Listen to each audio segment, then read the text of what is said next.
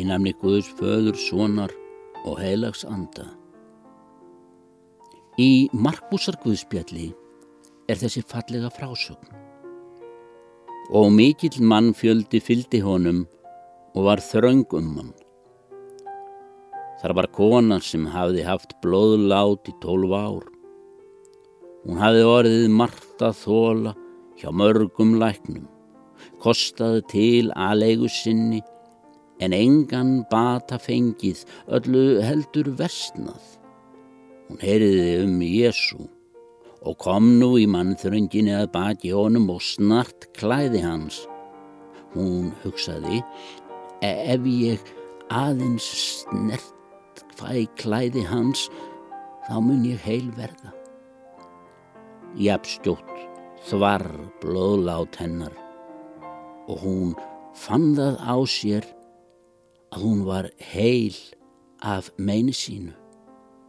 Jésús fann þegar á sjálfum sér að kraftur hafi farið út frá honum og hann snýri sér við í mannþrönginni og sagði Hver snart klæði mín?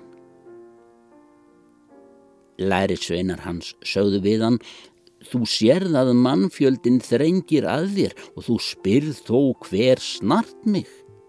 Jésús litaðist um til að sjá hver þetta hefði gert en konan sem vissi hvað fram við sig hafi farið kom hrætt og skjálfandi fél til fótonum og sagði honum allan sannleikan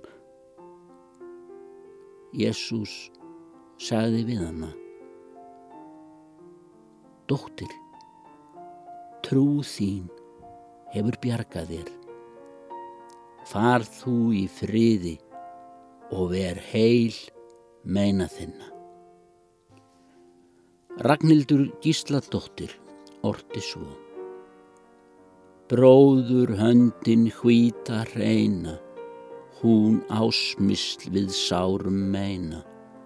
Æðstan mátt sem upp oss hefur, öllum veikum styrkin gefur um og svefur ást og mildi, alla smáða ver með skildi, reysir við ef hrösun hendir, himnesk sín og upp og spendir. Grítt er leiðin, gjótur, ekkjar, gína við og þröngt til veggjar, kvíðin fótur, fet sitt tefur, fagra hönd, sem ljósið gefur. Láttu gullna geysla streyma gegnum tíman stjúp og heima, kindill ljósþíns, Kristur, lísos, kærleik sól þín leiðir, vísos. Guðdóm drottin styrðar sólin, döbrum mannheim gafum jólin, frið og blessun færði hjörtum föður ást í geyslum björnum. Amen.